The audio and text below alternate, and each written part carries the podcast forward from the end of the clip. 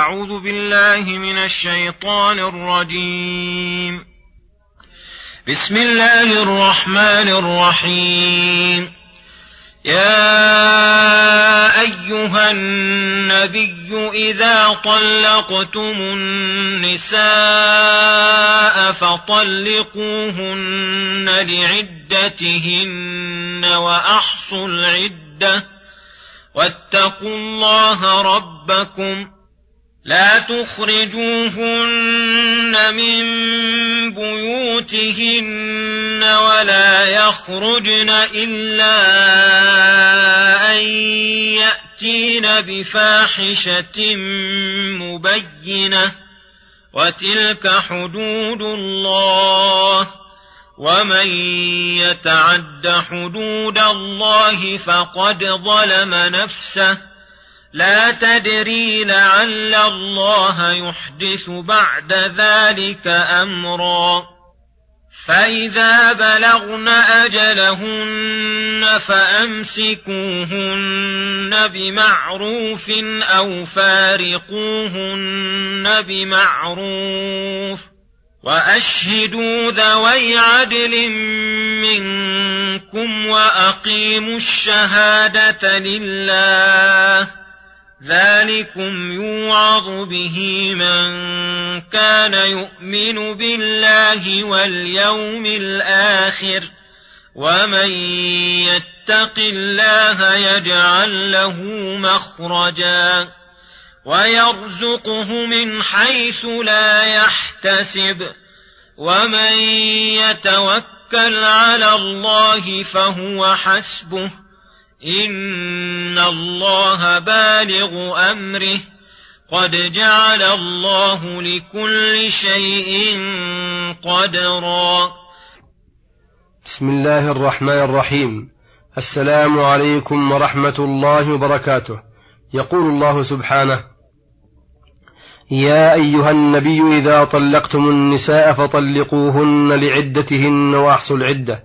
الآيات يقول تعالى مخاطبا لنبيه صلى الله عليه وسلم وللمؤمنين يا أيها النبي إذا طلقتم النساء أي أردتم طلاقهن فالتمسوا لطلاقهن الأمر المشروع ولا تبادروا بالطلاق من حين يوجد سببه من غير مراعاة لأمر الله بل طلقوهن لعدتهن أي لأجل عدتهن بأن يطلقها زوجها وهي طاهر في طهر لم يجامعها فيه فهذا الطلاق هو الذي تكون العدة فيه واضحة بينة.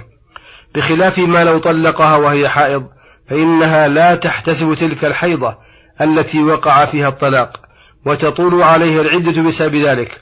وكذلك لو طلقها في طهر وطئ فيه فإنه لا يؤمن حملها فلا يتبين ولا يتضح بأي عدة تعتد.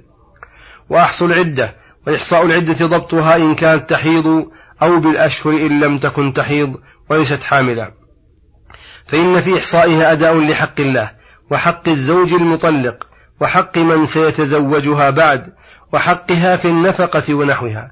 فإذا ضبطت عدتها علمت حالها على بصيرة وعلم ما يترتب عليها من حقوق وما لها منها. وهذا الأمر بإحصاء العدة يتوجه للزوج وللمرأة إن كانت مكلفة وإلا فلوليها. وقوله واتقوا الله ربكم أي في جميع أموركم وخافوه في حق الزوجات المطلقات. لا تخرجوهن من بيوتهن مدة العدة بل تلزم بيتها الذي طلقها زوجها وهي فيه ولا يخرجن أي لا يجوز لهن الخروج منها. أما النهي عن إخراجها فلأن المسكن يجب على الزوج للزوجة لتكمل فيه عدتها التي هي حق من حقوقه. وأما النهي عن خروجها فلما في خروجها من إضاعة حق الزوج وعدم صونه. ويستمر هذا النهي عن الخروج من البيوت والإخراج إلى تمام العدة إلا أن يأتين بفاحشة مبينة أي بأمر قبيح واضح موجب لإخراجها بحيث يدخل على أهل البيت الضرر من عدم إخراجها كالأذى في بالأقوال والأفعال الفاحشة.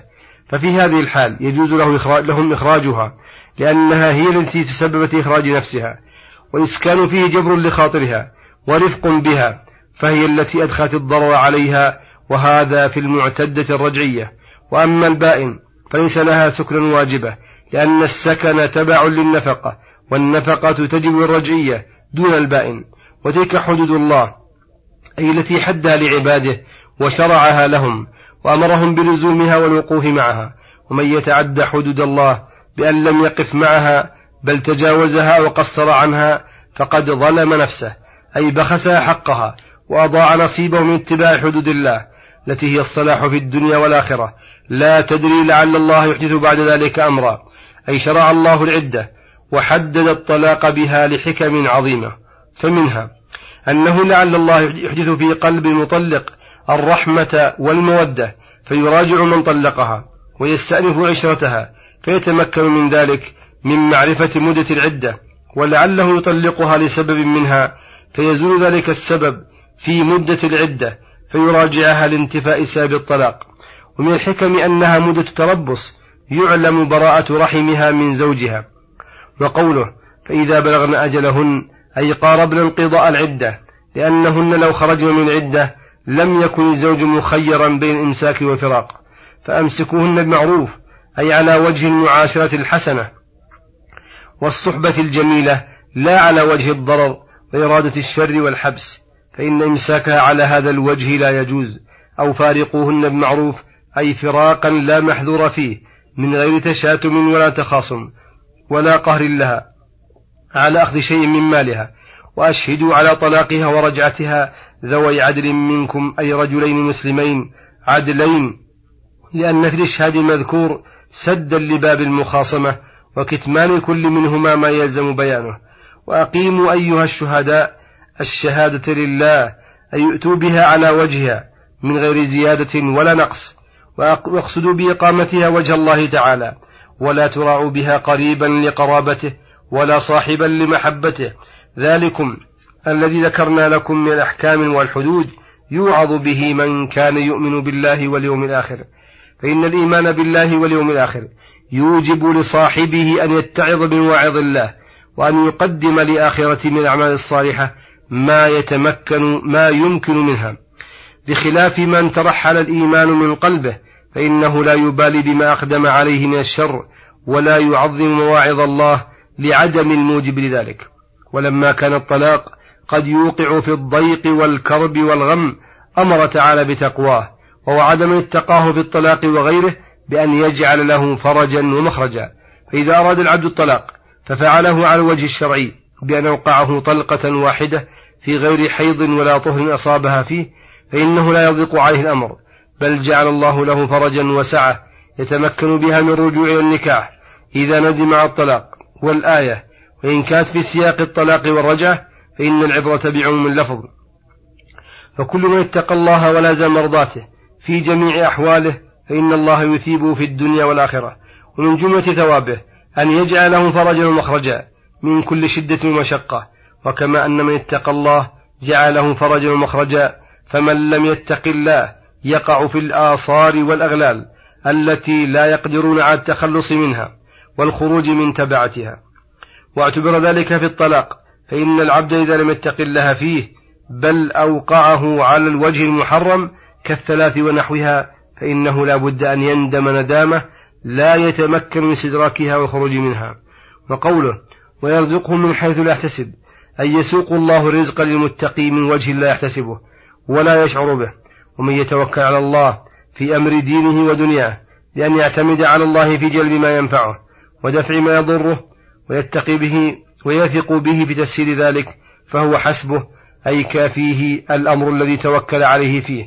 وإذا كان الأمر في كفالة الغني القوي العزيز الرحيم فهو أقرب إلى العبد من كل شيء. ولكن ربما أن الحكمة الإلهية اقتضت تأخيره إلى الوقت المناسب له.